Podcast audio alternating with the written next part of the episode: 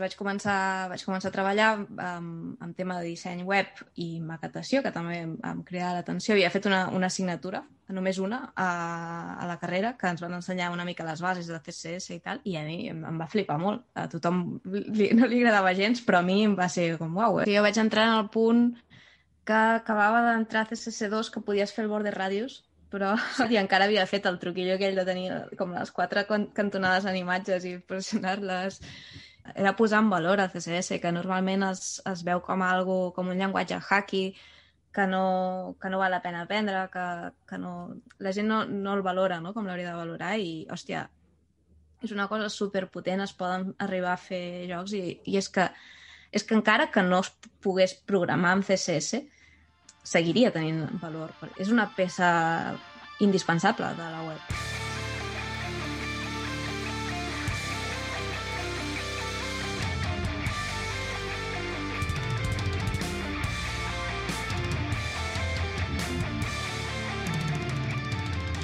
Hola, com esteu? Benvingudes i benvinguts a Connectar amb Dani Amo, un espai on parlo d'humanitat, tecnologia i privadesa. I aquesta veu que heu escoltat és de la Núria Soriano, una desenvolupadora principalment front-end, amb qui converso sobre tecnologia web.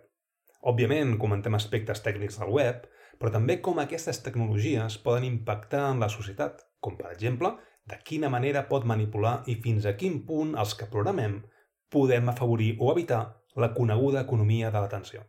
La Núria és una millennial a qui li van dir que programar era molt complex, que era molt difícil, que no ho aconseguiria fer. Tanmateix, després de dedicar-se a uns estudis més creatius que engineerils, va començar un camí que l'ha dut a ser una referent en el desenvolupament front-end. Des de nuriasotorres.com ens exposa qui és, quins projectes front-end ha fet i a què es dedica actualment. I en la conversa d'avui ens apropem a una Núria que ens exposa tal com és, quina ha sigut la seva evolució i com ha arribat a ser qui és, mentre abracem temàtiques, evidentment, de desenvolupament front-end amb CSS i tecnologies web. Benvinguda a Connectant Daniamo. Tens una trajectòria bastant, bastant xula, bastant de dissenyadora cap a desenvolupadora, eh, on inicialment et van negar que podies desenvolupar eh, jocs. Explica'm una, una mica sí. quin és el teu background no? I, i com és que arribes a, a on estàs ara. He donat unes quantes voltes, sí, sí. Eh, bueno, a mi sempre m'havia cridat molt l'atenció tot el tema de, de... els ordinadors en general.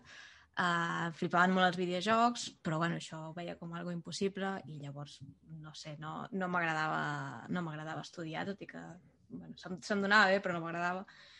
Eh, I llavors pues, vaig tirar més per una branca mm, que no havia d'estudiar, que era disseny. Com a mínim no estudiar de, de, en el de sentit coses, no? de... Exacte. Havies de currar, de havies de treballar, però no... Sí. Sí, sí, eren moltes hores, eh? Al final estava més, més estona fotent treballs que no pas estudiant per un examen, però bueno, m'agradava més. I és que és això, no, no és que no m'agradi passar l'estona aprenent, el que no m'agrada és el, el concepte aquest d'haver d'empullar per un examen. Correcte. I llavors per això em va em tirar més, en principi, a, a aquest món. Llavors, quan vaig començar a, a treballar, ja, ja dins del disseny em tirava més el tema, el tema digital que no el físic. Mm -hmm. Uh, també, no sé, preferiria barallar-me amb navegadors que no amb, amb, amb, amb, amb, amb impremtes. Perquè tu... El, el, com a mínim en... tenia més control. O sigui, tu vas estudiar disseny gràfic, no? I entenc que allà toques les dues vessants. I pots especialitzar o no? O, o, o toques les dues perquè són troncals? A la meva època el digital es passava molt de puntetes. Suposo que ara ha canviat una mica. Ja fa, ah. fa 15 anys que vaig... Però és que tu i jo som... Bueno, tu ets millennial, no? Sí. Deu ser el 81, sí, 82, més o menys. I, sí, no? No? M no, més endavant? 87. 87. Bueno, al final els millennials es, es mouen per aquí, eh? des del 81 sí. fins al 96. Jo soc del 78. Però, clar, és a dir, en una de les, bueno, una de les vàries um, conferències que has donat, no? Ostres, comences amb un abstrat. Sí, clar, per això, per això sembla que sigui molt més gran. Exacte. No, perquè el, els meus... Bueno, jo amb els meus germans sí que em porto, amb el meu germà gran em porto 12-13 anys, llavors el, el, que va, va, va sortir d'allà i jo va ser el, jo vaig créixer amb aquell, aquell ordinador, no, no recordo el primer cop que el vaig tocar. Uh, I per això sempre, sempre he estat toquetejant, però però vaja, mai en, en, en el tema de, de posar-me a aprendre, perquè tot, sempre m'ho havien venut com que era algo molt difícil, que havia d'estudiar molt, que era el que no m'agradava. Eh, llavors, De això, fet, quan de vaig fet em començar a sembla que treballar... ni, ni- ningú li agrada eh, estudiar, vull dir que... Jo, hi ha gent que sí. Home, si no, no hi hauria gent treballant i estudiant i fent màsters, no? No O, sé. po- o potser no ho tenen tan clar com tu, no? El rotllo, hòstia, és que jo no vull estudiar, escolta, em faig una altra història, no? Bueno, no sé, en no compte, sé. no, no és que no vulguis estudiar, no vols, no vols fer coses, que és diferent, no? Exacte. Sí, sí, o sigui, a mi m'agrada molt aprendre, però no, no de la manera institucionalitzada, suposo. Mm -hmm. Uh, llavors això, doncs vaig començar, vaig començar a treballar amb, amb tema de disseny web i maquetació, que també em, em cridava l'atenció. Havia fet una, una assignatura, només una, a, a la carrera, que ens van ensenyar una mica les bases de CSS i tal, Mm -hmm. i a mi em, em va flipar molt. A tothom li, no li agradava gens, però a mi em va ser com, uau, eh? això és molt No, a més a divertit. més, és, és un llenguatge molt accessible i, clar, tu hauries començar a desenvolupar en HTML pel 2000, més o menys? Sí, eh, ja havia començat a trastejar una mica... Bueno, vaig començar amb GeoCities, eh, també. Déu-n'hi-do. Sí. Hòstia, Ah, havia Geocities, començat a tastejar Terra una mica... companyia. Sí, aquella època. I... Però sí, ja amb la carrera, amb aquella assignatura, vaja, uh, Mhm. vaig, vaig tenir com una mica més de base i a partir d'allà doncs, m'hi vaig anar fotent més. I això, la primera feina que vaig trobar era combinar disseny amb maquetació i, i això vaig, vaig anar veient que m'agradava... Potser m'agrada més la part de maquetació que no pas la de, la de disseny. Llavors vaig... Em va donar la curiositat per, per dir, vaig dir en, aquella primera feina, "Ah, escolta, a mi m'agradaria aprendre JavaScript. Mm -hmm. Uh, no? Perquè era el que veia, no sé, per poder fer alguna cosa a jQuery en aquella època també, de poder animar alguna coseta, fer... I em van dir que, que no... Que clar, que jo si em posava a aprendre JavaScript en aquell moment no, no arribaria al nivell dels que... dels que... dels programadors que hi havia Quantes, en aquell quantes, quantes mentides t'han explicat? moment. Sí, sí, però el problema és que me les creia, saps? bueno, Sí, o, no, o no, perquè si no, no estaries on estàs, no? Bueno, sí, en el primer moment me les vaig creure, llavors mm, ja vaig, vaig anar rascant i vaig veure que no. Això, llavors doncs, vaig canviar de feina, vaig entrar en una agència que fèiem coses molt xules de maquetació, allà també m'ho vaig passar molt bé, i allà sí que vaig començar jo, pel, pel meu compte, doncs, a aprendre una miqueta de jQuery i anar fent copy-paste de quatre llocs, i, Stack i Overflow. anar muntant coses. Sí, sí, sí. Molt I bé. bueno, fins que vaig veure que realment allò sí que era com m'ho passava superbé i molt, molt més que dissenyant. Uh -huh. I, I llavors va ser el moment que vaig dir, hòstia, em vull fotre, em vull fotre a saco amb això. I en aquell moment va, vaig trobar-me de casualitat per un, un anunci de Twitter, el tema dels bootcamps. No coneixia el, el concepte de bootcamps, llavors vaig començar a mirar i vaig veure que, hòstia, això era el que em cridava l'atenció, no? Perquè em pensava, hòstia, és que si ara em començo, combinat amb la feina, he de començar a estudiar un mòdul, un, una carrera així a distància o el que sigui, és que em fot un pal que no... O sigui, jo passar-me dos anys combinant les dues coses no tinc ganes. Clar. I no, el- A més a més, tu buscaves algú molt concret no? que et donés Mm. una experiència que poguessis aplicar en el món laboral. No, no, no era per... Mm. O sigui, si ho feies no era per oci. O sigui, t'agradava, però ho volies incorporar dins de la, teva, de la teva feina. Exacte, sí, sí, sí. I llavors, clar, vaig veure el format bootcamp, era, encaixava molt amb el que jo buscava, perquè era, doncs, mira, t'estàs tres mesos a full amb això i, i només Mhm. fas una cosa, no combines treball i això. I com que només eren tres mesos, doncs, econòmicament, tot i que era car, em podia són- permetre. Pues tres mesos, déu nhi eh? Més que un bootcamp, bootcamp, ai, bootcamp és un bootcamp mòdul, eh? Vull dir que... Bueno, eren, eren dos i mig, crec, Ah, vale. uh, però vaja. Vale. Uh, I què tal l'experiència de bootcamp amb, amb grau? Clar, suposo que és superfocus en, en algú i, i tens gent um, que no és acadèmica com jo, no? tot i que jo he tingut empresa durant 10 anys de desenvolupament de pàgines web no? I, i, i, evidentment he vist moltes coses, però no és el mateix ara que jo estic de docent i, i tiro d'aquesta experiència, no?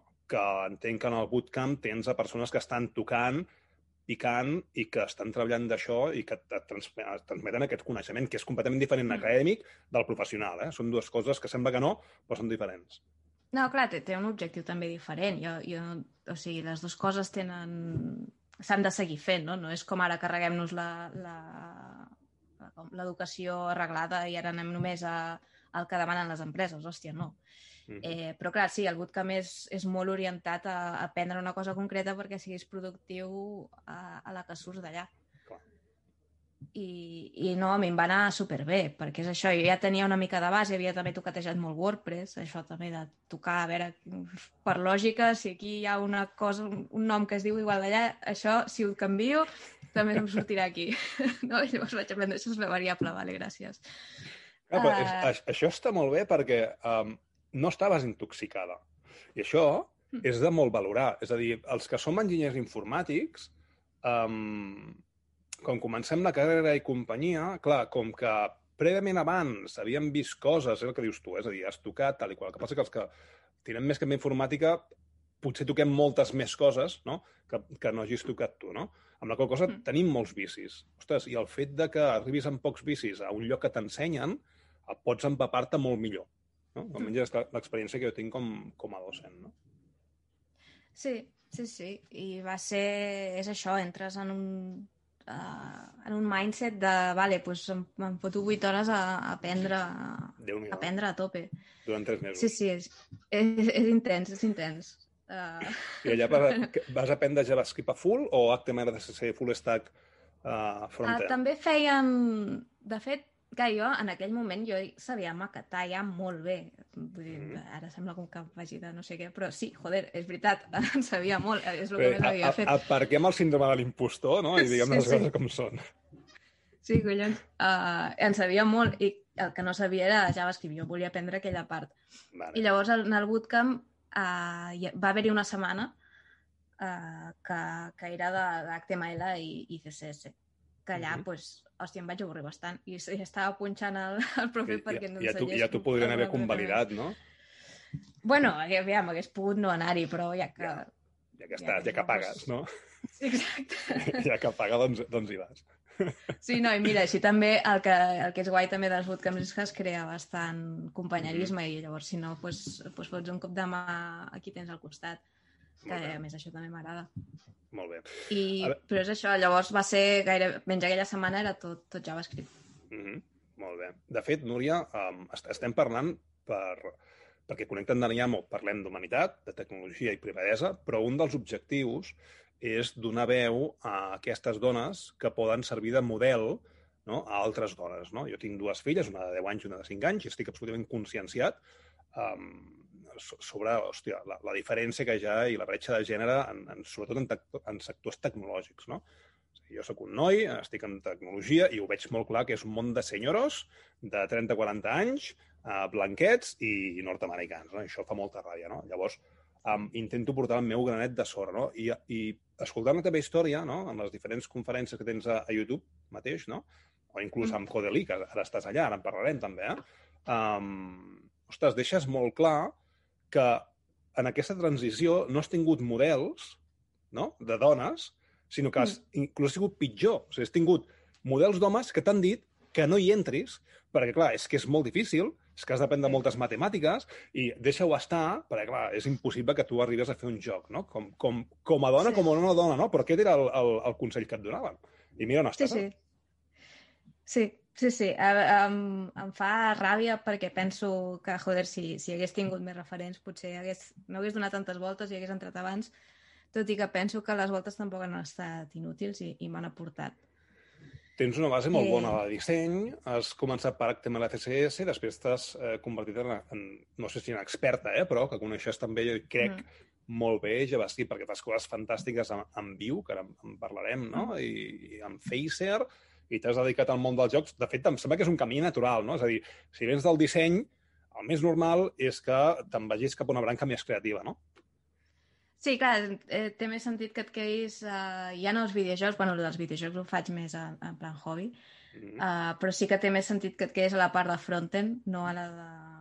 No te'n vagis del, tot al, al backend, que llavors potser la, lo- tot el que hauria après no, no m'hagués servit de tant, no? Tot i que Clar. també és molt agradable quan et trobes un backend que té nocions de disseny. Uh, però sí, és, és això. Si hagués m'hagués agradat tenir, tenir referents. Uh, i, I és important que... I per això també estic en, en el que estic fent ara de posar-me pues, a fer conferències i vídeos i tal, també és una mica amb l'esperança que, que això serveixi a, a gent que vingui, a dones que vinguin després. Tot i que, bueno, llavors ja... Si, si entrem en aquest tema, ja tot el... O sigui, és un sector molt, molt masculinitzat. I vale, Molt podem arreglar-ho i que sigui més, més paritari, però si et mires sectors que, són, que tenen una majoria de dones, tampoc és que estiguin molt bé. I, i eh, el que està passant ara, que estan entrant com més dones júniors i hi ha una situació de desigualtat que en una empresa les posicions sèniors les tenen homes i les júniors les tenen dones, això si te'n vas a un sector molt feminitzat, com jo que sé que podria ser la docència, medicina, infermeria, és que també Mhm. passa. I és que, o sigui, no, no és que sigui una qüestió de, de volum, és que és una qüestió ja del sistema, i això s'ha d'arreglar per totes les bandes. Sí, sí, sí, no, no, és, és, és un problema endèmic i, i sistemàtic, no? o sistèmic, no? digue-li com vulguis. No? Al final Mm. Um, hi ha d'haver un canvi social no? i a mi em sembla molt bé que hi hagi molt de soroll i que d'un bon inici uh, s'extremitzi la situació, no? perquè és a dir, si anem a mitges tintes no aconseguirem res, és, és, és el meu punt de vista, és a dir, o anem a per totes i fem molt de soroll no? I, i ens posem en una situació extrema per fer veure que hi ha moltes desigualtats, que n'hi ha tot arreu, no? però en aquesta especialment doncs, eh, hem de començar a arreglar les coses. Mi em sembla doncs, collonut que hi hagi persones com tu doncs, que estiguin allà al, al peu del canó, no? I ara, de fet, amb, amb Codelit tens més visibilitat que mai i Mm. la sensació que dones és que t'estan tractant com una reina, és a dir, uh, no? perquè, ostres, uh, una de les poques que, que hi ha, poques, uh, cuidado, poques visibles, eh? perquè jo entenc que hi ha moltíssimes dones que estan per allà que són molt bones. De fet, jo, que, que sóc professor aquí a la Salle Campus Barcelona, doncs cada vegada hi ha més, més noies en el sector uh, tant multimèdia com enginyeria informàtica, que és la, la, la més uh, posicionada com, com en aquest sentit, no? I, ostres, dona gust, dona gust veure que hi ha aquestes iniciatives, que hi ha aquestes ganes, que les, el, el codi que, que es fa és uh, igual o millor dels que podrien fer el, el, els senyors uh, que diuen doncs, que són tecnològics i companyia, i com, ostres, rebre consells i, i, i veure doncs, aquestes meetups uh, pujades a YouTube, evidentment, hòstia, doncs, dona goig, no? I a mi uh, poder-ho donar, um, oferir i exposar-ho per aquest podcast, hòstia, quan, quantes més coses millor. Eh? De fet, avui acabo de, de parlar també amb l'Astrid Barquer, que és una, una dona que es, es dedica doncs, a, a l'esport i la salut, no? I, i més que en vindran, no? perquè és, és, és, un espai on vull donar doncs, aquesta veu, que hi ha prou senyores que n'hi ha, no? I al final doncs, es tracta d'això. La teva carrera professional, després parlarem dels temes que vam comentar per mail, eh? el tema de... de... perquè al final, saps què passa? Que amb aquestes converses te'n te vas cap a 2.000 cantons ja i no acabes bé, parlant. ja. Eh, um, tu vas començar amb aquesta, um, amb aquesta petita empresa, no, no sé si era petita, eh, però, però amb aquesta primera feina, no? Vas fer el, boot, el bootcamp i te'n vas anar directament a Codegram o entremig hi va haver algun... No. Eh, vaig, vaig passar sis mesos per una que no... Bueno, mm, va anar bé, però... Eh, coses. Mhm. Tampoc vull entrar molt en detall. No, és, eh... La vas Eh, aconseguir, és a dir, el bootcamp et serveix per tenir coneixements i, a més a més, t'aconsegueixen treball? Te l'asseguren? O et No te l'asseguren, no te l'asseguren, però, però és... clar, al final és la seva... eh, És la... És el que... No, no t'ho asseguren, però t'ho venen, no? Com que és una manera de, de trobar feina, llavors t'ajuden, no? Ja a Mhm. posar en Ja contacte deuen tenir el seu holding d'empreses i... Sí. Sí, vaig trobar la primera i, i va ser a través del, del bootcamp i, i bueno, bé, però mm, la vaig deixar bastant ràpid, al cap de sis mesos. Ahir vaig entrar a, treba- a treballar a Teviso, que era la, Mhm. la, la següent, o sigui, el que es va transformar a Seriously. Uh, Vale. Quan, Sí, quan va deixar de ser legal el tema de, de baixar-se sèries i tal. correcte. I llavors a Teviso eh, vaig, va, va ser un, un procés interessant. Vam començar... Bueno, eh, teníem una pàgina web amb, amb de, de, de llistar sèries per marcar les que havies vist i tal, Mhm. i això estava fet en viu i bueno, vaig, vaig estar també aprenent. Aquí ja vaig entrar com a, com a mid-level, o sigui, el meu pas de júnior, no, com que ja tenia molt bagatge amb HTML i CSS, va, va ser Clar. mm, supercurt. Uh, I llavors aquí doncs, ens vam posar també, vam, vam començar a desenvolupar una mena d'aparato que era com un Chromecast que ajuntava totes les plataformes, Netflix, Amazon i tot això. I era una cosa molt guai perquè era... Va ser com començar no, no a fabricar el hardware, però sí que posaves pues, amb, igualment amb Node, fèiem, però Mhm. a, a comunicar-se amb el sistema, no? I, I el Bluetooth i no sé què, com funcionen aquestes coses, i, i va ser bastant guai. I llavors d'aquí jo ja vaig passar a Codegram i de Codegram a, a Codeli. A Codeli. Que a Codeli sí que estàs fent vídeos a punta pala, perquè clar, és, precisament és, és, és, una, és un espai de, de vídeos, no? Allà Sí. combines tant els vídeos públics com els vídeos privats que s'anien als cursos. Exacte, sí. El que fem és, bàsicament són cursos i llavors d'alguns d'aquests cursos extraiem algun vídeo per, per tothom, Mhm. tant per, per publicitat com per, com per aportar una mica també a la comunitat, és una que, que volem Mhm. fer. I, I, bueno, llavors també algun directe, coses així. Molt Però bé. sí, és, és creació de continguts a tope. I, i, I suposo que també hi fots mal a pàgina web, no? És a dir, també estàs... És a dir, quan- perquè en, en realitat, Codeli quants són? Són el, els dos? Ara som... Ara mateix som quatre. Vale. Vale. Som el, el Javi i Rafa, que són els que van començar tot, el Nico, que, que ha entrat, també va entrar més o menys quan jo, com a CEO, Uh mm. i, i jo que porto la part frontend. Però ara també entraran dues persones més i, bueno, es- estem Entre creixent. tots a fer- a fer-ho créixer. Molt bé. Sí. De fet, sen, sentir-te dona gust, eh? perquè ho dones tot com, com fet i fàcil. No? És a dir, això, això és que, clar, no sé què, no sé quantos, no? I, i això d'aquí, com és que ho fots amb això si amb un grit ho soluciones? És a dir, sembla que siguis la, la, um, la, la, la banderada dels, dels grits, no? És a dir, pon un grit en tu vida que ho solucionaràs tot. Home, és que, joder, eh, jo havia maquetat sense grit i recordo el, el dolor que era allò. Devries començar, anem a fer una, una, una retrospectiva, eh? O sigui, jo vaig començar amb taules. És a dir, per col·locar no, els continguts... ja no. Vale, tu na- anaves amb tips, segurament, no? Directament. Sí. Jo vaig començar amb... Clar, estava amb HTML4, amb la qual cosa les tires de taules, no? Uh, inclús en versions anteriors, i, i et negues com pocs. De fet, en, amb JavaScript no hi havia una cosa que es deia jQuery, hi havia una cosa que es deia Dynamic DNS, DIN DNS. Uah, espectacular. Ni És a dir, idea, uh, els, els primers, clar, i a més a més el cross browser era una història, bueno, una miqueta així, tot era vanilla JavaScript, eh? vull dir, uh, a manica, i si havies de fer alguna cosa, t'ho havies de muntar tu, perquè no hi havia referències. És a dir, uh, Mm. aquest MDN que hi ha ara, Clar, de, Mozilla, això no hi era abans. I si, allò, i si eh, te'n vas... entro cada dia, és que no, no podria És que, viure. és que és bàsic. Mira, això que acabes de dir és una cosa que els repeteixo als meus estudiants. És a dir, no us heu de prendre de memòria perquè al final hi haurà coses que les tindràs per la mà, no? I les acabaràs picant. Però uh, saber on anar a buscar la informació quan no te'n recordis, no? perquè al final la ment humana és limitadeta, per desgràcia, doncs te n'has d'anar a buscar, no? Si has d'agafar uh, la trucada, agafa, eh? Vull dir, um, No, no, Sí, te n'has d'anar a buscar i tenir referència als tutorials, no? Que, que no passa res. Una cosa és Stack Overflow i l'altra cosa són els, la referència de desenvolupadors, no? que són dues coses completament diferents. Mm. No? Que és molt fàcil anar a Stack Overflow, fas copiar i enganxar i li fots. No? Després, bueno, copyrights d'aquestes històries també haurien de veure doncs, com, com ho citem tot plegat. No? Però clar, ja... Clar, tu vas començar No. amb un estat d'un HTML on, on suposo que tenies dips, on tenies jQueries i on podies, ostres, fer coses bastant xules. Tenies un grid i un flexbox en aquella època, als inicis o no? No. Vale. No, no, jo vaig fer... O sigui, jo vaig entrar en el punt que acabava d'entrar a CSS2 que podies fer el border radius, però, Sí, però, no, bueno, exacte. però no estava molt ben suportat i encara havia fet el truquillo aquell de tenir com les quatre can- cantonades en imatges i pressionar-les i, Era horrible, i floats. era horrible. Hòstia, les flows. Era horrible, però també trobo faltar una mica aquella creativitat que teníem de, de pensar unes solucions super hacky, Sí, sí, sí. que ara sí. és com tot molt fàcil. I ara trobo, trobo una mica a faltar aquell, aquell Sí, jugar. al, al final es- estem en un, en un sugar CSS, no? És a dir, que cada vegada ens anem posant... Um, bueno, cuidado, el, el JavaScript podríem dir que és un sugar C, JavaScript, no? El CSS en realitat són funcionalitats de veritat, no?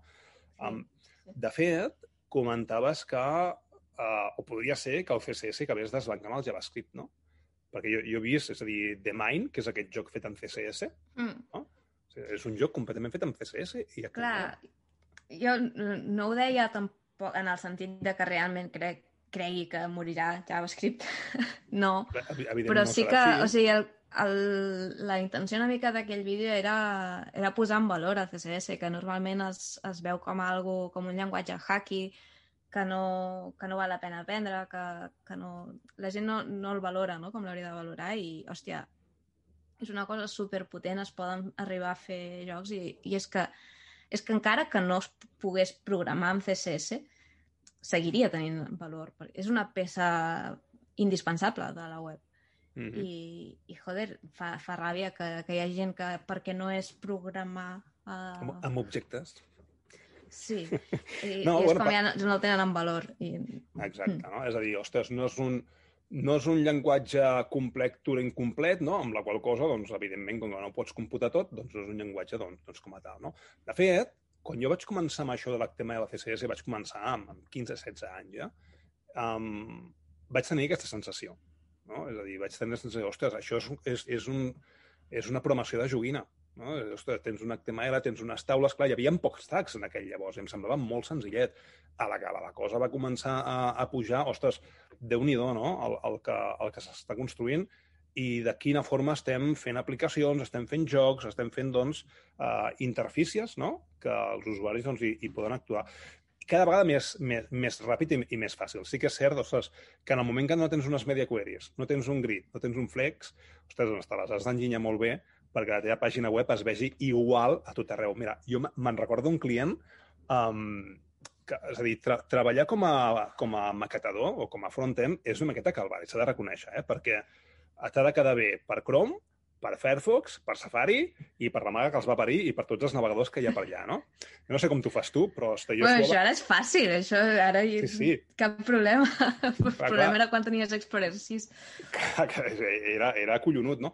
Llavors, me'n recordo, i, i el problema venia per aquí, eh? me'n recordo un client que em va dir, ostres, ha quedat perfecta la pàgina però és que amb, amb Explorer em desquadra per un píxel. Oh. X, exacte. Veus? Perquè la Photoshop, el Photoshop que t'he enviat vale, no es ve igual. I hi ha un píxel que no és igual. I la mare que em va parir. I, i hòstia, per, perquè l'Internet Explorer es tragués allò, havies de fer la, la, les mil i una, no? Saps? Clar, també ha anat evolucionant en funció de les necessitats, no? Perquè eh, clar, abans sí que vale, teníem els navegadors que es comportaven molt diferents, però com a mínim era allò que podies dissenyar hasta per la pantalla, no, no, no tenies diferents Mm. pantalles, no? Era tot Mm. mm. 1024 o 900 per 600. Eh, clar, la que es van la que apareixen mòbils i això, doncs el, el llenguatge s'ha d'adaptar a aquestes noves necessitats. I, i bueno, ara, hòstia, jo és, és que gairebé ni ho miro, saps, en els altres navegadors. Mm -hmm. És com, tinc, la, Ja- la seguretat que de no? vegades, de, de vegades m'ho he de menjar, eh? Però normalment es veu. I també llavors hi ha una part que és educar el, a la gent amb que doncs, potser no s'ha de veure igual i potser no passa res. No? El, el, per exemple, els, els inputs natius de cada Mhm. navegador són, són una mica diferents. Sí. Que sí, pots, pots muntar-te els teus hacks per estilar completament un select i tal, però igual del camí t'estàs carregant l'accessibilitat total. Per què? Perquè es vegin igual i, i si l'usuari està acostumat a anar amb Firefox, doncs està acostumat a veure aquells inputs i no passa res. Mm -hmm. Uh, I és una mica educar que no passa res perquè es vegin les coses diferents. Crec que ara amb, amb el tema de, de disseny responsiu, diferents pantalles i tal, s'ha deixat de, de banda l'aspiració aquesta a un píxel perfecte en el mal sentit de que tot estigui quadrat, sinó que s'entén que, que hi ha les peculiaritats de cada, de cada device. Sí, clar, és que a més tens dispositius, versions dels navegadors, motors de És un renderitzatge, festival. és un festival de llums i colors. Llavors, ostres, desenvolupar alguna exactament que es vegi igual. Tot, tanmateix tens, tens plataformes, eh? ara no com es diu aquesta, que permet veure la teva pàgina web en diferents dispositius. Mm. Però clar, és que és una currada. O sigui, tu imagina que cada pas de maquetació hagis de comprovar que es vegi igual visualment tu en tots els dispositius. Bueno, és que podries passar doncs, un mes més comprovant pantalles. No? Sí, és, Sí, és, sí, és una no. bogeria. Molt bé, no, no, em sembla una aproximació molt vàlida. Atacant això, vale, um, els dissenyadors i els maquetadors teniu molt de poder. Teniu el poder de, de, de, de manipular les persones, no? És una cosa que a mi sempre sempre m'ha atret, no? En Tristan Harris, no? que és aquest senyor doncs, que estava a Google i que va començar a veure doncs, que ei, estem fent coses, estem fent uns dissenys que estem fent que les persones facin coses que potser no els hi vindria de gust fer. No? Els estem manipulant d'alguna forma. Que hi ha algun codi ètic, algun codi deontològic del dissenyador o del maquetador que digui no et comportaràs malament i no manipularàs el, els usuaris, no? I, per desgràcia, que jo conegui, no... si existeix no el segueix gaire gent. I és, Ja. és on és realment un problema. I, i hòstia, una mica lligada amb el que amb el que dèiem abans de que, joder, hi ha una, una quantitat important de, de, la, de la gent que treballa en el sector, que són senyors de, al voltant dels 30 blancs en, posició, en una posició de privilegi fort, que, que no es neguin a fer certes coses a determinats moments, hòstia, a mi em, em, em rebenta, no? Perquè és que arriba a punts que ja no és un... És, és que és directament enganyar l'usuari, no? Sí. I, hòstia, com és que no et negues a fer això? O, o com a mínim ho lluites una mica? Perquè, no sé, molts cops et ve, et, tu com a desenvolupador, no? Et ve la, el tiquet, la issue, fes això, vale, vale, jo ho faig uh, i ja està. Però, no és la, hòstia, no és la aquí... meva responsabilitat, no? Hi ha algú que Sí. acaba de decidir de fer-ho, no? Amb la qual cosa l'altre ja es carregarà. I llavors lluiten molt, pues, jo què sé, per exemple, uh, no, és que el, el codi ha de tenir tests, no? I encara que el, uh, des de producte o des del el manager et digui que no tens temps de fer test, tu lluites això perquè creus en la qualitat de codi. Em sembla Clar. molt bé. Però, hòstia, llavors per què no fas el mateix quan et diuen que, que uh, posis el, el check de les cookies habilitat, que, que posis un copy enganyós hòstia, intenta lluitar una mica, no? Perquè, Clar. joder, te- tens molt poder. Pot, pot venir donat pel fet de que socialment, el fet de que siguis un desenvolupador que fa test, es veu ben vist. No? És que jo faig tests, evidentment. És a dir, el codi que no tingui test és un codi eh, que, que hi pots, no hi pots confiar, no? Després veuríem quin tipus de test fa.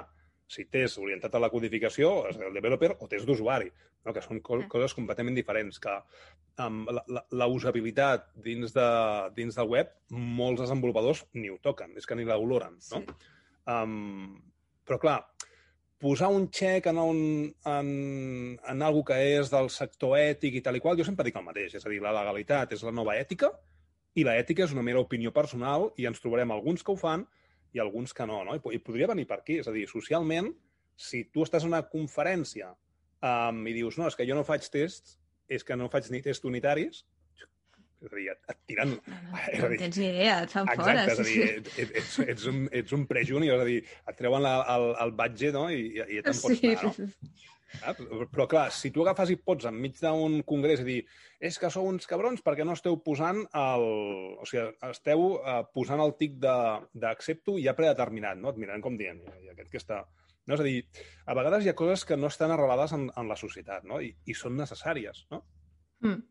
Sí, en aquest sentit, en les, quan podíem anar a conferències, en les Ja. últimes que havia anat, havia vist alguna xerrada en aquesta, en aquesta línia, no? De- d'una mica començar a conscienciar els desenvolupadors que, que tenim una responsabilitat sobre això i que, joder, que, que, que no apliquem dark patterns així sense, sense qüestionar-los, que com a mínim es lluitin una mica i s'intenti uh, doncs, joder, si això va en contra dels meus principis i si jo em nego a fer-ho i si tots ens neguéssim a fer-ho i, i, saps? O sigui, joder, tenim molt poder, estem Sí, sí.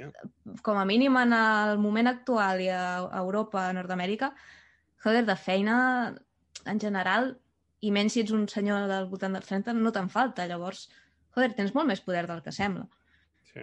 I que això no es lluitin com a- aquestes coses, sí. Clar, són, són i, i l'exemple que posaré uh, pot semblar fora de joc, no? però perquè s'entengui, no? un, un extrem, uh, els remanys, no? És a dir, um, posar les bombones de gas, transportar-les, agafar-les a un lloc, saps? Instal·lar-les, donar-li el botó perquè s'engegui, etc etc etc. Això no ho feia una persona, ho feien moltes persones, no? amb la qual cosa donar-li la manivela, posar-lo aquí, a tancar la porta... Si ho fas diferents persones, la, la responsabilitat és com, com dilueix, però ets corresponsable diluïda, sí. igual, no?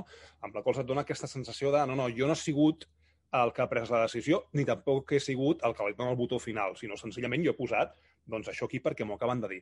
Però clar, si et planteges per què estic fent això, no? per què, és a dir, per què hi ha dos botons de si vull comprar, no vull comprar, per què el si vull comprar el poses blau i el no vull comprar el poses negre?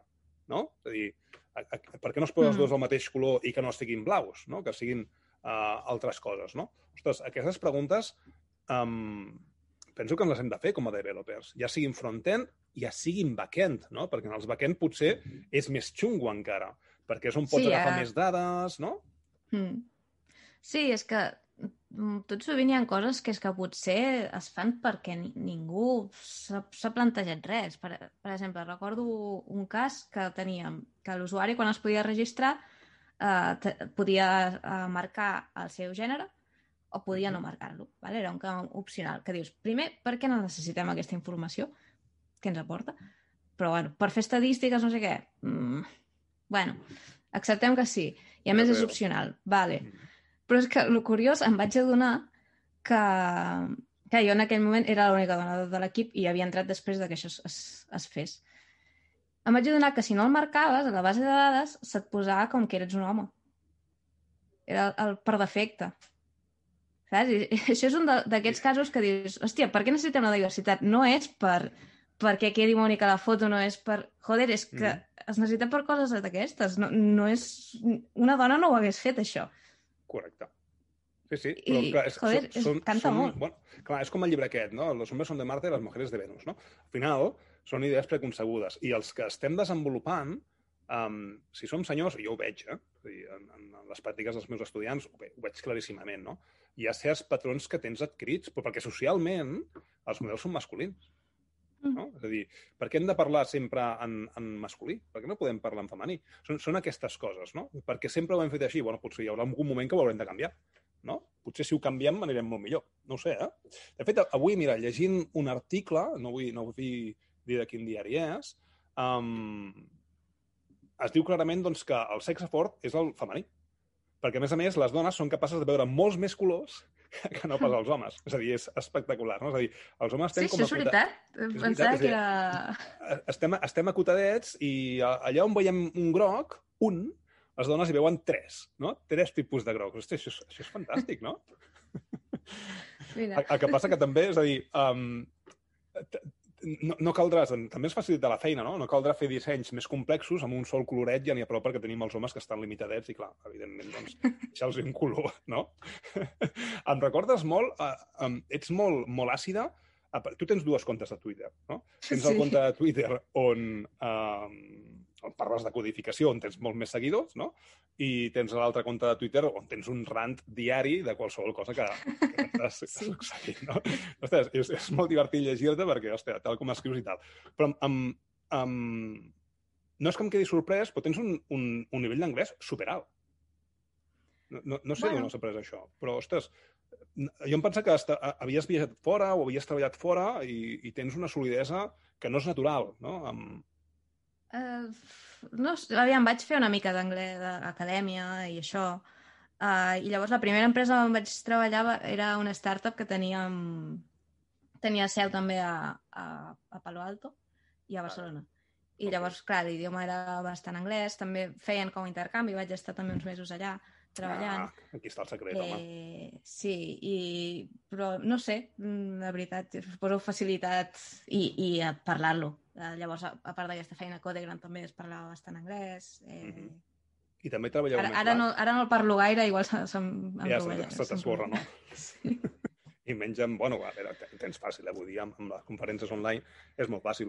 Um, quin és l'entorn de, de, de, de comunicació que, que es fa servir més? Estem en, en un Slack o és igual, això? A, a què et refereixes? Dintre de la Eh, comunicació d'equips dintre de les mateixes entitats.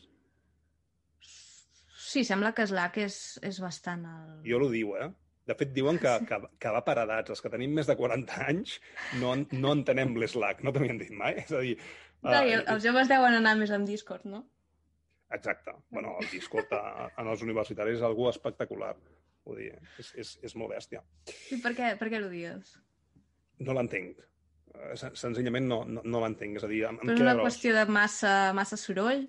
Sí, massa informació. És a dir, eh, jo ho veig i no entenc res. És, és curiós, eh? És a dir, i mira que és un xat. Senzillament tens els canals, tens el no Mm. sé què, pots eh, parlar amb les persones, però escolta'm, um, és, és la qüestió aquesta. De més de 40 anys ja es veu que arriba un punt que la tecnologia doncs, clar, va, va, va massa ràpid, no?, que el teu cervell, hòstia. Uh, però es veu que és un tema estadístic, eh? De fet, parlant amb l'Adrià Hòstia. Velardos, no?, uh, li vaig dir, és que a mi no m'agrada això, i m'ho va dir. Diu que tens més de 40 anys, no? Dic, hòstia, què passa, no? És a dir, els de 40 anys ja, ja, ja, ja podem anar al cementiri, no?, que estem absolutament uh, rovellats, no? Hosti, Am, curiós. Sí, sí, és, és, és, és molt bèstia, però és així, eh? No, no l'entenc, no? Vull dir, és, és, és una cosa que em, que em queda gros. I mira que amb els meus alumnes, els que fem grups i companyia, tenim més lags, eh? Però al final acabo tirant de Telegram o acabo tirant de, de la missatgeria instantània doncs, de, de tota la vida, no?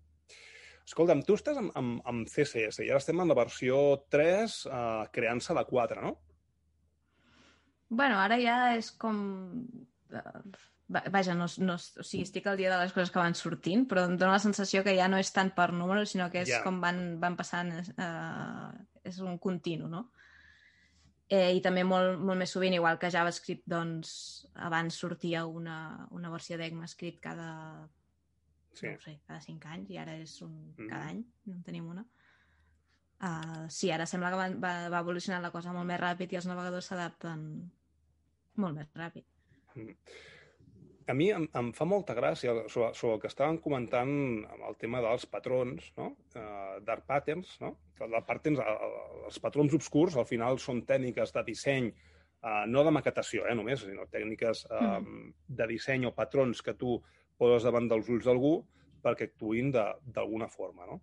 Um, a vegades sembla que la tecnologia estigui feta per això, no? És a dir, que, que les propietats que surten um, o les noves funcionalitats facilitin no? aquesta, aquesta inclusió de, de, de patrons de, de disseny obscurs. No?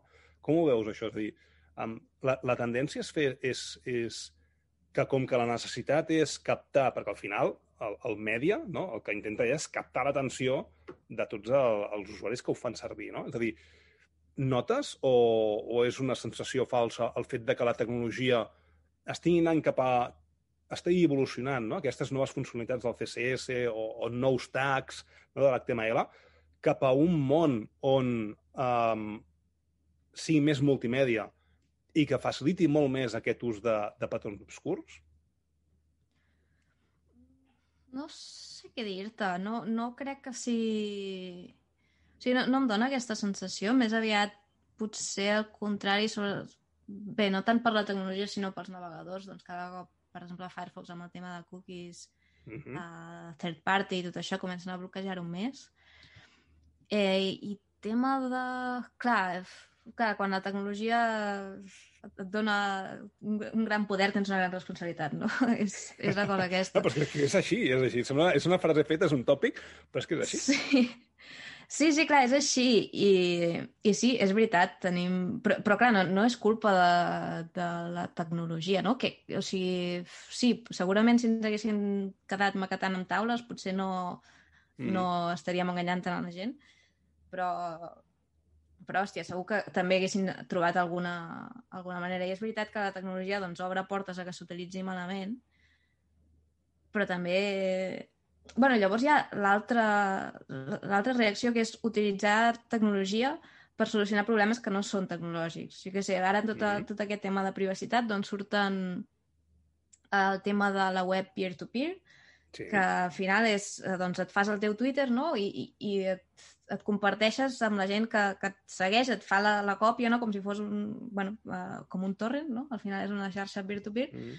I és com, vale, perquè així ningú té el control i tot això. I, hòstia, mola, eh? La idea, jo a tope, em sembla molt interessant, però és algo molt nicho que, que no sé fins a quin punt realment és la solució al problema, quan, quan el Ja. problema no és la tecnologia, sinó és el que fem amb ella. Mm Llavors, clar, sí, és veritat, la tecnologia ens obre més portes potser, però al final és la responsabilitat nostra De cadascú, no? com les apliquem. És que a vegades és, és la, la tecnologia que acaba quedant-se és la que és més senzilla d'utilitzar no? i la, la que resol més problemes. I al final, no ens enganyem, dins del W3C, el World Web Consortium, hi tenim Google, hi tenim Apple, hi tenim Facebook i companyia. I ara mateix sembla ser que Google és el que dictamina com es fan les coses. Dir, Sí, de fet fa, fa... Hòstia, ara no recordo exactament com anava, però fa relativament poc va haver-hi alguna polèmica perquè Google va bloquejar alguna decisió de... Mhm. Clar, llavors, quan, I és, sí, sí, realment és un problema. No, no sé Per si això- haurien de ser aquestes empreses. Clar, per això ho dic, no? En el moment que, que hi ha aquestes eh, cinc conegudes i 400 empreses més, eh? que, que no, no, Mm. no en són quatre, eh? però clar, quan tenen tant de poder que, que poden bloquejar certes tecnologies, clar, la que surt és la que d'alguna forma està ajudant a que tot aquest context doncs, continuï. No? Doncs clar, haurien de tenir um, d'alguna forma aquesta vot dins de- d'aquestes tecnologies. Mira, ara Google uh, té aquest... Hosti, com es diu? um, Turtle Dev es diu? Ai, no me'n recordo. És a dir, està fent un entorn, el, el Privacy Sandbox, no? Està fent un entorn dins del navegador Google que el que farà és que les dades personals no sortin cap a fora, vale? però que surtin amb més aviat gustos, no aquestes metadates, que no puguin identificar mm. personalment, però que sí que puguis um, compartir els teus gustos i que et facin un clustering pel núvol i que els, els advertisers et puguin enviar publicitat. No? Que això està bé, no? que passa que el, el, els desenvolupadors front-end, com us afecta uh, quan les cookies third party uh, estan bloquejades? Heu de desenvolupar d'una forma diferent? O tires milles i és més aviat per la inclusió d'anuncis i al final no els poses? Al final això et bloqueja, però és que normalment et bloqueja coses que ja està bé que et bloqueixin, yeah. trobo. Eh, sí, o sigui, quan, si vols posar mm, llibreries d'aquestes, de, doncs, d'analítics, de coses que traquegin, bàsicament, al final és que són per això. Mm -hmm. Clar, sí, et, et trobes en problemes, però és que és això, les hauríem d'incloure. Potser aquesta... Pots fer les, els analítics d'una altra manera, pots fer-ho mm -hmm. server-side, pots fer-ho sense traquejar l'usuari, simplement uh, no cal que sàpigues si... És que, jo què sé, quan vas tu a una botiga no et segueix un tio a veure on vas després. No, tens no? els si, si has anat al Zara... No... Sí. sí. Que no sé què és pitjor, eh? Et segueix un tio sí, sí. O, o els bicons dels nassos, eh? Vull dir que al final estem seguits per tot arreu. De fet, uh, tenies una conversa molt interessant d'algú que es plantejava si realment feia falta que tinguéssim Google Analytics o que tinguéssim analítics a la nostra pàgina web, perquè al final no és una pàgina web que Clar. vulguis treure negoci, perquè tens analítiques, no? Clar, sí, sí, jo, jo és que en tenia abans i, i me les mirava allò de... Bueno, aviam què, aviam què ha passat en els últims sis mesos, perquè, clar, no, tampoc entrava molt sovint. I era com, ah, sí, doncs mira, algú, algú m'ha trobat buscant, ja que sé, quina xorrada i fa gràcia, però no feia res amb aquesta informació. I llavors pensava, vale, ara he de començar a posar popers de cookies, que és una cosa que m'encén d'una manera brutal cada cop que entro en una pàgina. Que no serveixen per res. Està no, perquè és que a més no estan, es, és que enganyen a l'usuari de manera que, no, que les accepti totes. Clar, I és bueno, que llavors, és que, és que... per això, per què serveix? No? Clar, i, i partint del fet de... Mira, hi havia un estudi que, que diu que de mitja hauries de passar unes 250 hores a l'any per llegir totes les polítiques de privacitat. Després que les entenguis, no? Qui, qui es dedica sí. a, a llegir tot això d'aquí? No? És acceptar, acceptar, acceptar, vull dir que està sí. comprovadíssim que, que molesta, no? Però clar, els, els developers hem de perdre el temps en fer aquestes coses, no? Bueno. Mm.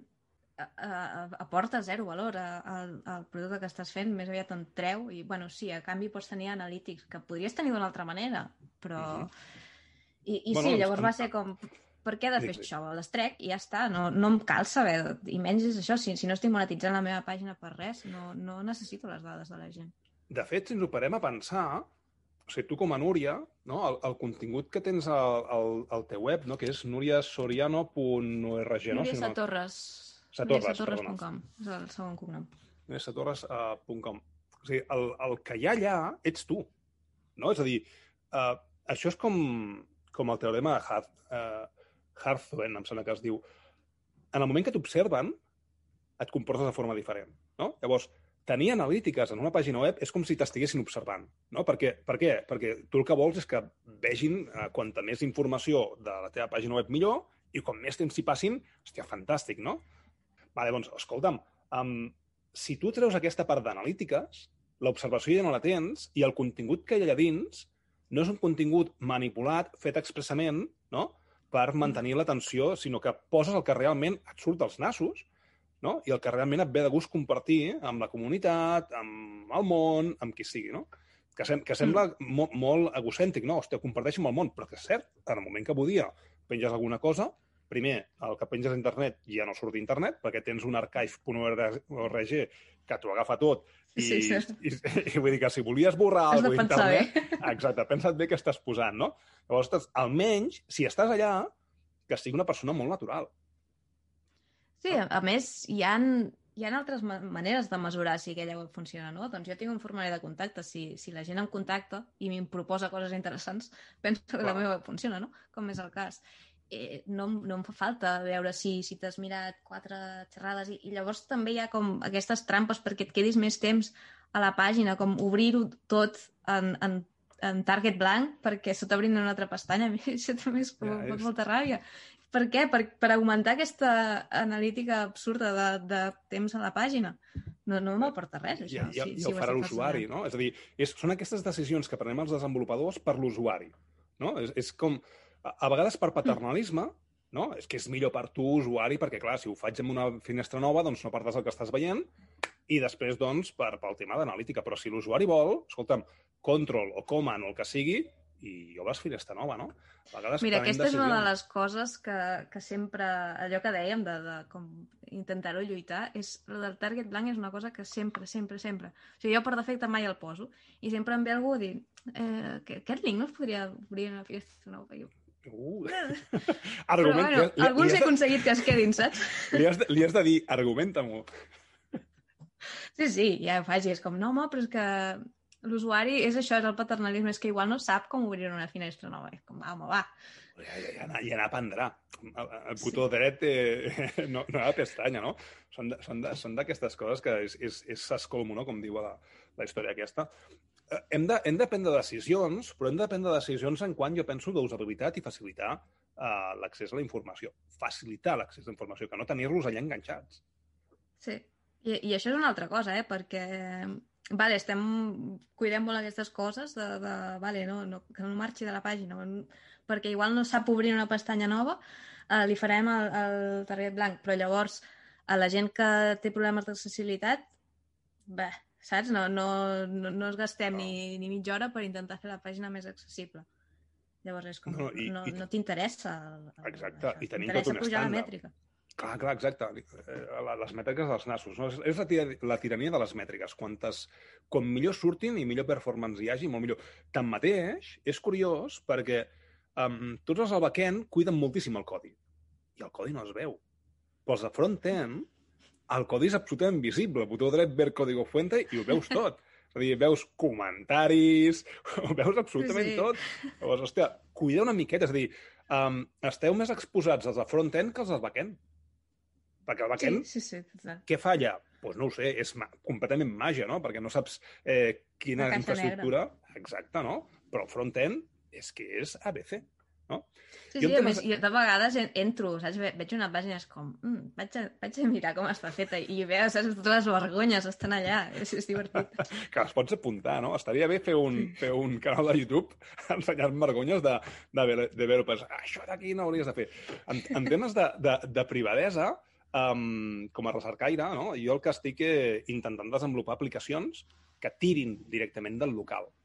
No? És a dir, tens unes tecnologies amb, amb servidors, amb unes local storage, no? amb unes bases de dades locals, que pots fer meravelles. No cal anar-te contínuament a aquestes APIs i fer aquestes històries. No? Evidentment, necessites dades, no? però on estan aquestes dades? Te les pots descarregar i tires milles i, i, i fem un altre tipus de, de pàgina web. No?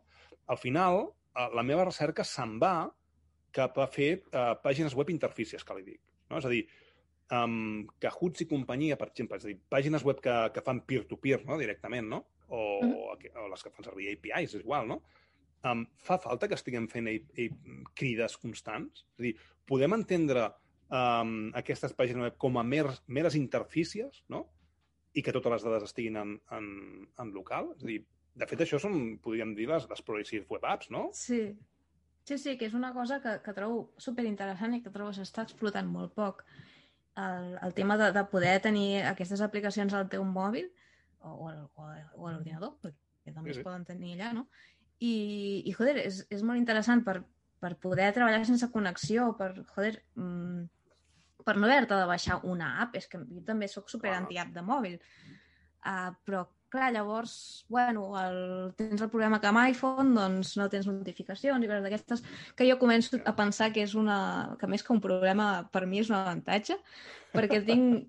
em vaig treure Twitter, Instagram i tot això, i ho tinc en preses i pop-ups, i no m'arriben notificacions i així és com estic més tranquil·la. I és que potser és no calia, saps? Jo, que, jo aquest no any, clar, jo aquest any m'he tret de WhatsApp o sigui, ja no estic en Facebook, a compte de Facebook vaig donar de baixa l'any passat, Instagram mm. també, aquest any m'he tret WhatsApp, i en el mòbil no ho porto Telegram i Signal perquè al final amb algú t'has de comunicar, no? Amb la dona o amb Hòstia, la seva història, però Twitter no, no tens en el mòbil. coneguts que no tinguin Telegram? Que no, no hi parles. Bueno, no hi parlo. filtre o? Exacte. Gent que no et cau bé ja, ja està, la tens fora. No, no, perquè al final hi entren, no? I Telegram, a més a més, et notifica aquest que queia malament acaba d'entrar, no? Sí. No, a, a, al final és una decisió que vaig prendre en el sentit d'escolta'm, si jo estic en Facebook, eh, com que, i a més a més ho veig, eh? és a dir, um, tothom vol treballar amb React, tothom vol treballar amb Angular, tothom vol treballar amb Facebook, tothom vol treballar amb eines de Google, i dius, per què? És a dir, hi ha altres eines molt xules que en parlem, no? com Vue, no? és a dir, Mm. que són fantàstiques, que són open source, que estan, és, neixen des d'una uh, directriu completament diferent a, a Facebook i companyia. No? Llavors, vaig arribar a un punt que vaig, vaig pensar, si jo sóc partícip de les eines de Facebook, el que estic fent és potenciar no? I, i continuar tota aquesta farsa i, i donant suport a aquestes tecnologies. No? Evidentment, és un, és un extrem, no? I vaig dir, saps què? Em dono la baixa. I qui vulgui, com que té el meu telèfon, ja em trucarà. No? I, I si no, estic a Twitter, estic a Telegram, estic a Signal, estic a LinkedIn, que vaig mirant de tant en quant, no? I mira una cosa curiosa. Des de que no estic a WhatsApp, rebo moltes més peticions de col·laboracions per mail i per Twitter i per LinkedIn que no, que no pas estan, estan a WhatsApp. No? El fet de que no estiguis localitzable no? um, sembla que això ho, ho promocioni. No? Perquè, a més a més, a Twitter he baixat un munt la, el, el, el, el llindar de participació, perquè al no estar ni l'aplicació en el mòbil, doncs ara, escolta'm, quan vaig amb el metro i al ferrocarrils catalans, llegeixo, no? que és una cosa que sempre volia, volia fer, doncs ara llegeixo, no? sí. De fet, um, avui m'acabo d'instal·lar uh, el, el joc que feia molt de temps, que és el, el Thim... Hòstia, mai ho diré bé, eh? El Thimbleweed Park, sí? Lewis Park. Sí. Hòstia, és guai. boníssim. És a dir, el, el tinc al punt de mira des de fa temps i vaig dir, va, aquesta és la. Aquest és un joc que, que, que, el- que l'han desenvolupat el Ron Gilbert i el Gary... No sé com es diu. El Gary no sé què, Sí. que són els creadors del Monkey Island. De fet, és un joc Sí, sí. En el que jo hi vaig néixer, tu també em sembla, no? El ser millennial, doncs més o menys Monkey Island anava per... Sí, sí, va, va ser el, el, el joc per mi. brutal. I Maniac Mansion, has jugat a Maniac Mansion? Sí, sí, sí. Hòstia, Jo el vaig jugar una mica més de gran, però, Bé. però sí, és una passada. el Day of the Tentacle, és a dir, aquestes aventures gràfiques, Brutal. no? brutals. No? De fet, és, un, és el que deies tu, no? Um, tu has fet diferents jocs. Has fet el Radio Liberty, no? Has fet el Mhm. Leaf i després en vas fer un altre, el GOT? No. Uh, hi ha el New Bigot, que era un que vaig fer per una Ok. Game Jam, va ser el primer, el Mhm. primer que vaig treure.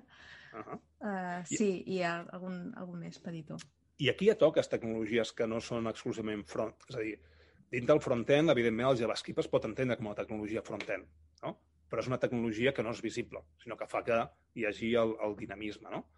Um, que veient com, com t'expresses, uh, què has fet en algunes de les conferències, no? que utilitzes Vue i Phaser, no? és, és, és, um, és sorprenent com algú uh, que no ve del món de desenvolupament pugui acabar unint dues tecnologies, no? com Phaser i com uh, Vue, que potser ningú havia acabat de- d'entendre de, com, com es podien unir, no? Ja, de fet, quan vaig tenir la idea, uh, uh, vaig pensar, hòstia, m'estic aquí, estic tenint aquí una idea de bomber que, que, que no funcionarà, o, o estic tenint una bona idea, i vaig buscar-ho, no? Vaig buscar a veure si gent havia fet alguna cosa així, no vaig trobar res en aquell moment. Després va, va sortir més gent, uh, però sí, o sigui, mm, mira, vaig tenir la idea perquè, perquè per pura necessitat, eh? perquè no, no em podia creure que fos tan difícil fer algun facer que amb, amb l'altre seria tan fàcil. Mm -hmm. I, i clar, vaig dir, bueno, doncs ho ajunto i, i aviam què passa, total. Aviam, el codi és, és horrible, el codi d'aquell joc, perquè Bueno, és pedaç en pedaç, però eh, funciona.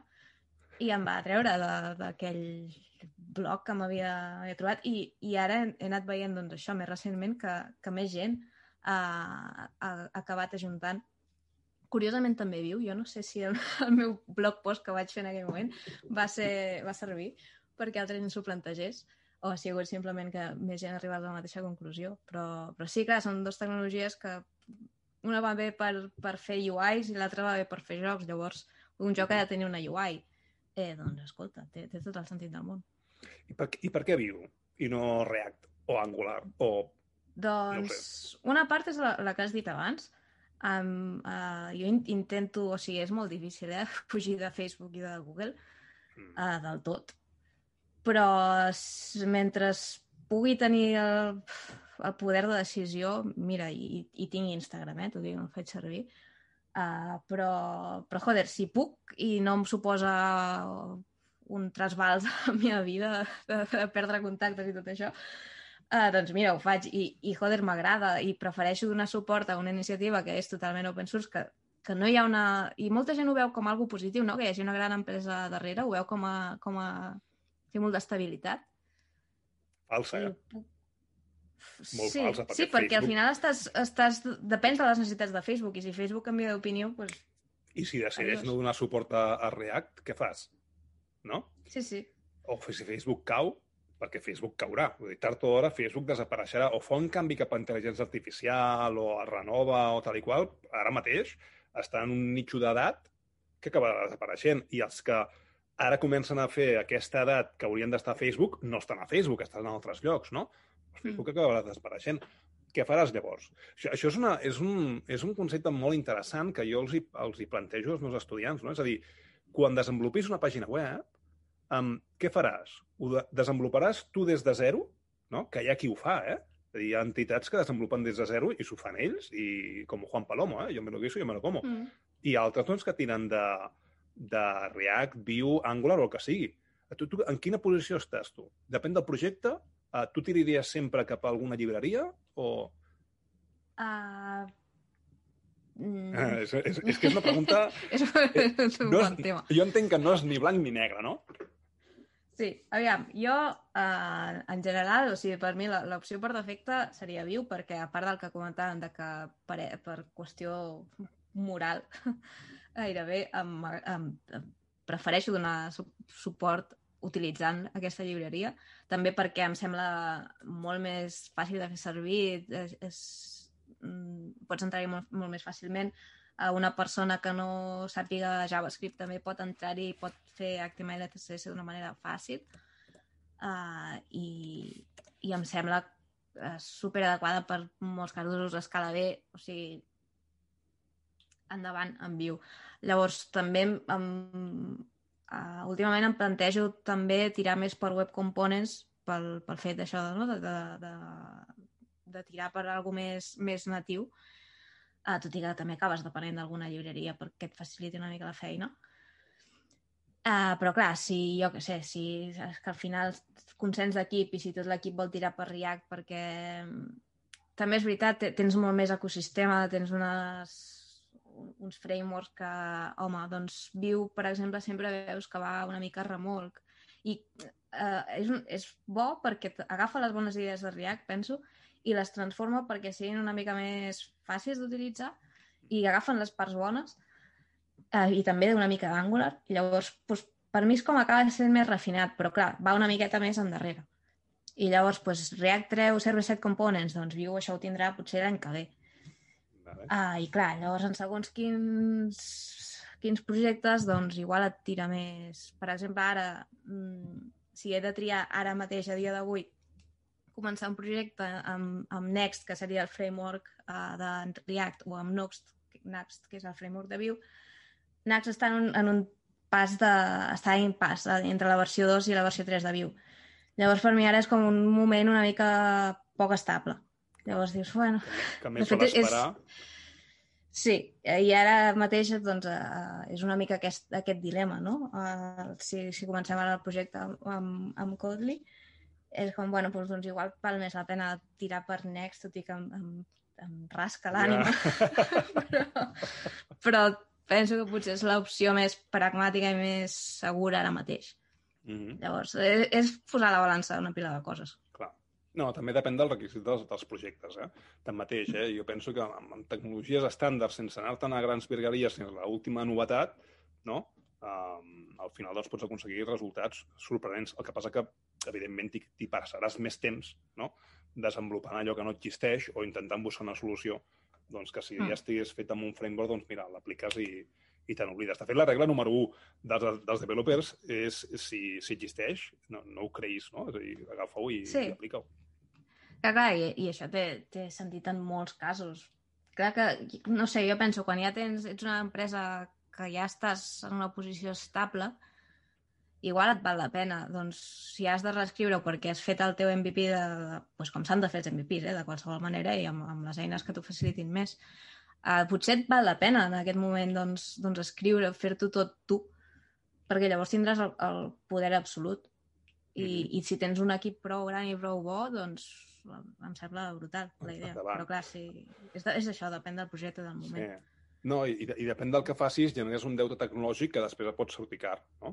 És a dir, en, en tots els mm. cantons, eh? és a dir, si jo decideixo desenvolupar un software i resulta que no em dóna temps i poso el Magic Lines, Magic Code, això et genera una deuta tecnològica molt bèstia, no? Que jo no, no, no crec que hi hagi un projecte que no generi deuta tècnica. Mm -hmm. veritat. Sempre eh, dependràs d'alguna no història o tindràs algun follon en algun moment, no? és normal, és que... Hòstia, crear una cosa estable en l'entorn web, que tot canvia i... O sigui, jo és que no, només, no només veient aquestes enquestes que, que fan anuals, no? La de frameworks que hi ha. És a dir, sí, sí. és que és, és molt bèstia, no? I al final, amb, a on t'acabes decidint, no? És molt més còmode tirar pels grans frameworks que saps que darrere les tecnològiques, no? I et donen aquesta falsa estabilitat, no? Però, clar, els petits frameworks neixen um, precisament per ser competitius, no? I segurament Vue té unes qualitats que React no té. És a dir, tot i que Vue um, d'alguna forma agafa idees de React i d'alguna forma doncs, pot arribar a fer el mateix, no? estic convençut doncs, que té unes coses positives, és a dir, té unes funcionalitats que React no té. Si no, mm. per què existeixen no? aquests frameworks? És a dir, si neix un nou framework doncs, que té les mateixes que React, per què vas cap allà? No? A no ser que tinguis sí. un tema filosòfic del darrere. Que jo suposo més que funcionalitats, que potser és més... Eh, tot al final pots fer-ho tot yeah. amb tots. Uh, però són maneres de fer, no?, les coses, que potser t'encaixa més una o l'altra. I, I sí que no tenen el recorregut, però com dius tu també el tema de l'estabilitat és una mica enganyós, uh, però alternatives com Viu o Svelte crec que a dia d'avui són perfectament uh, vàlides per fer un projecte en producció, no? Mm -hmm. Tenen prou comunitat al darrere com perquè no es morin demà passat. Yeah. Que és una mica la por que hi ha amb, amb aquests més petits. Mm -hmm. Sí, perquè, a veure, al, al final, quan tu fas una implementació d'un projecte, ho fas amb una versió en concret d'un framework, no? Si surt una nova versió, um, la tendència és actualitzar aquesta pàgina web que ja està cobrada, pagada, publicada. Vull dir, si està funcionant, la deixes allà, no? Uh, i si... Depèn, depèn. De... Un projecte de consultoria, doncs sí, no, no actualitzaràs un Vue 2 a Vue 3, no? Clar, Perquè ja, les... està. ja està. Eh, si és el teu producte propi, doncs potser sí que et surt a compte uh, actualitzar, no? La... Home, un Codeli no, té sentit. De fet, un Codeli, si no s'actualitza, um, donaria una imatge no? que no és la que... La que eh, llavors que ensenyem, si, si no... Correcte, si a casa... O sigui, com és allò? Um, en casa de herrero, cuchara de palo, no? O cuchillo de... Sí. Vull dir que al final vull dir, has, has d'estar al peu del canó i has d'estar fent aquestes coses, que si no ja m'explicaràs. Ja, clar, és, és això també, és que quan, quan et dediques a ensenyar a la gent uh, en, un, en un món que canvia tant, alguna has de fer per, per seguir el dia, perquè és que si no, sí. hòstia, enfronten si em passo un any sense programar res de nou, mm. joder, em, em quedo enrere. Clar, clar. Escolta'm, venim, i per anar tancant, eh, que portem ja aquí uh, més d'una horeta, um, venim d'un món on, on als 80 doncs, no, no hi era aquesta connexió no? documental, perquè al final el web és un arxiu documental enorme, és una biblioteca enorme. No? Els inicis del, del web, que és l'HTML i l'HTTP, està pensat per compartir documentació. No? I al final tots són documents penjats i interllaçats entre ells. No? Um, ha patit diferents evolucions i estem a les beceroles de l'intel·ligència artificial, de la realitat virtual, no? de la realitat augmentada, que hi va haver uns anys que va ser un boom, no? I de cop i volta sí. ha fet com un, com un bluff, ha desaparegut. Ha baixat no? bastant. Exacte, no? Per què? Perquè al final, jo sempre dic el mateix, les tecnologies més senzilles i que ens solucionen la vida és la que s'acaben quedant, no? Però clar, això arribarà a un punt que la intel·ligència artificial i la realitat augmentada sigui un, un punt del dia a dia. No? Quin paper hi jugarà el, el web? Perquè, clar, um, serà senzillament visors d'embeds de, de visors. No? És a dir, serà el, el paquet que permet eh, accedir a visors d'intel·ligència artificial o desenvoluparem HTML, CSS i JavaScript per a intel·ligència artificial. No sé si m'explico. És a dir, les interfícies seran fetes en web quan hi hagi uh, realitat virtual? Jo no, no crec que... O sigui, dubto molt que, que, que, que arribem, com a mínim, en la nostra vida a veure un, una web que no sigui... que no hi hagin interfícies. O sigui, hi haurà més coses amb, amb realitat augmentada, realitat uh, virtual, que, que dona per molt i és una cosa molt interessant, sí, segur però la facilitat d'ús que té un, una, una interfície 2D uh -huh. no crec que la puguem arribar a tenir en, un, en una cosa de realitat virtual, realitat augmentada. És com, jo què sé, doncs, els llibres no, no han desaparegut, els llibres, perquè ara hi hagin pel·lícules, no? Vull dir, són, són medis diferents i, i, est, mm. i està bé interessar-s'hi i tal, però, però no, no, no perdrem tot el que hem fet. Vull dir, és... Aquestes tecnologies seguiran, seguiran existint. És que no, no hi ha res que sigui més pràctic que, que una interfície 2D. Uh, si estàs, vols accedir estàs molt, interactuar. Estàs molt enamorada del, del web, eh? no me toques el web, eh? Hombre, és que hi ha, hi ha experiments, no? El típic Minority Report de no sé què de sí, fer les mans, tal. Uh, sí, és molt guai i queda molt cyberpunk i mola molt, però tu t'imagines... O sigui, tu veus pràctic anar així movent les coses amb, amb no, les mans? No. O... És, és, com, és, és com una veritat estrany, no? A més a més, uh, si estàs tu sol a l'habitació, pot funcionar, però a la que hi hagin dues persones allà movent les mans i fent no sé què, el sistema es pot Ei, és, tornar completament amb, amb els mòbils, Uh -huh. L'altre dia ho estàvem comentant abans de la feina, que uh, hi, ha, hi ha gent que s'enxufa un, un mouse a la tablet. En sèrio? Perquè amb, amb certs jocs, doncs, clar, tens una precisió ah. molt més bèstia que, el, que amb el dit. Vale, okay, I és com, hòstia, no, okay, okay. No hi hauria... Saps? No, no hi ha res que, que sigui més pràctic anar així. Doncs sí, ha... No, no sempre és, és guanya una cosa al 100%, sempre hi haurà espai per les dues coses. Mm -hmm. És, és, és, és una posició molt diplomàtica, però m'agrada, eh? Al final és, és, és a tocar peus a terra, eh? Dir, cap tecnologia desapareixerà d'un dia a l'altre i sempre hi haurà una transició, sempre hi ha lloc eh, per tot. Núria, quan escriuràs un llibre? O ja l'has escrit? Escriure un llibre, hòstia. O ta, ni tu has plantejat, no? Saps allò de la vida, no? Has de tenir, has de tenir, has de tenir fills, no? Has de plantar sí. un arbre i aquestes històries, no? No, porto molt malament les tres coses, eh? No, no. Potser l'arbre és l'únic que veig una mica factible. Sí? Va, tot, Hòstia, no m'havia plantejat mai escriure un llibre, la veritat. Tot arriba, no? O, o almenys una... El que segur que has escrit és alguna documentació d'alguna llibreria, alguna història, no? Si això bueno, s'entén com un llibre... Documentació, eh, mm, articles... Això, això és una altra. És a dir, el, el codi HTML i CSS eh, es, es comenta? Home, mm, es comenta. Ah, això, això llavors entrem en el, en el, en el meló de, de si comentaris en el codi sí o no. Clar, no, perquè al final o, o, li, o li fots alguna neteja i, i que en el públic no es vegi, no? Els comentaris, ei, tio, esto no funciona, esto es un to-do, no me lo pongas aquí, no? És a dir, uh, clar. Jo no poso gaires comentaris en HTML i CSS, com a molt en alguna... cada cop menys, perquè comentàvem de que cada cop els navegadors es porten millor, Mm. Uh, alguns de, hòstia, afegeixo aquesta línia per Explorer 11, no me la treguis. Uh, que sí, això llavors es, al compilar-se doncs, uh, desapareix i no es veu. Mm. El que sí que, o sigui, jo abans que comentar línies de codi en HTML CSS prefereixo fer una documentació, un, una, una guia d'estil, uh, uh, històries d'aquestes. Amb JSDocs o alguna així, no, per exemple? Si tires o, o Markdown. En Markdown directament. Molt bé. Fantàstic. Al final és el que més practiques. Però sí, més que això, eh, cl eh, classes que tinguin sentit i coses d'aquestes. Vale. Que sí. No, no, és que normalment el, el, informació. el backend o el comentes o et tiren pedres directament. Eh? És a dir, ets un mal developer perquè no has comentat ni una de les línies que has fet, no? I no me l'has posat al comentari a sota, me l'has posat a la línia de dalt, no? Hereje, no? Heretge. Molt bé. Núria, um, moltes gràcies per, pel teu temps. Ens hem passat més, més d'una horeta, tens un coneixement brutal i jo penso que com a model de dona és algú, encara que, que no vulguis creure, és algú a seguir, no? Perquè falten aquestes coses, no? I es nota doncs, que tens passió, que és una de les coses que potser uh, falten en molts llocs, no? I per això um, no ens preguntem les coses perquè les fem, no? En el moment que tens una passió per alguna cosa, doncs és normal que et comences a plantejar per què faig això, per què utilitzo un React o per què estic escrivint aquest color Sí. no? I, i no un altre, no? I això ho transmets i, i es nota. Jo que li plantejava a l'Adrià Belardos és de fer una trobada algun dia més grupal, no?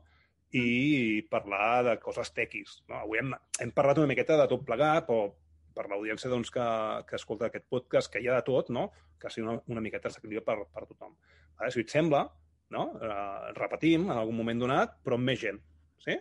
I, I i tant, fem una, una volta bastant hardcore, inclús potser amb algun CEO uh, de Codeli, no? que també pot ser, pot ser interessant, no? és a dir, quines són les tendències que s'està aprenent a les persones. No? Al final, el Codeli és com una espècie de, de... Et pots muntar com una espècie de bootcamp, no? Tu mateix, no?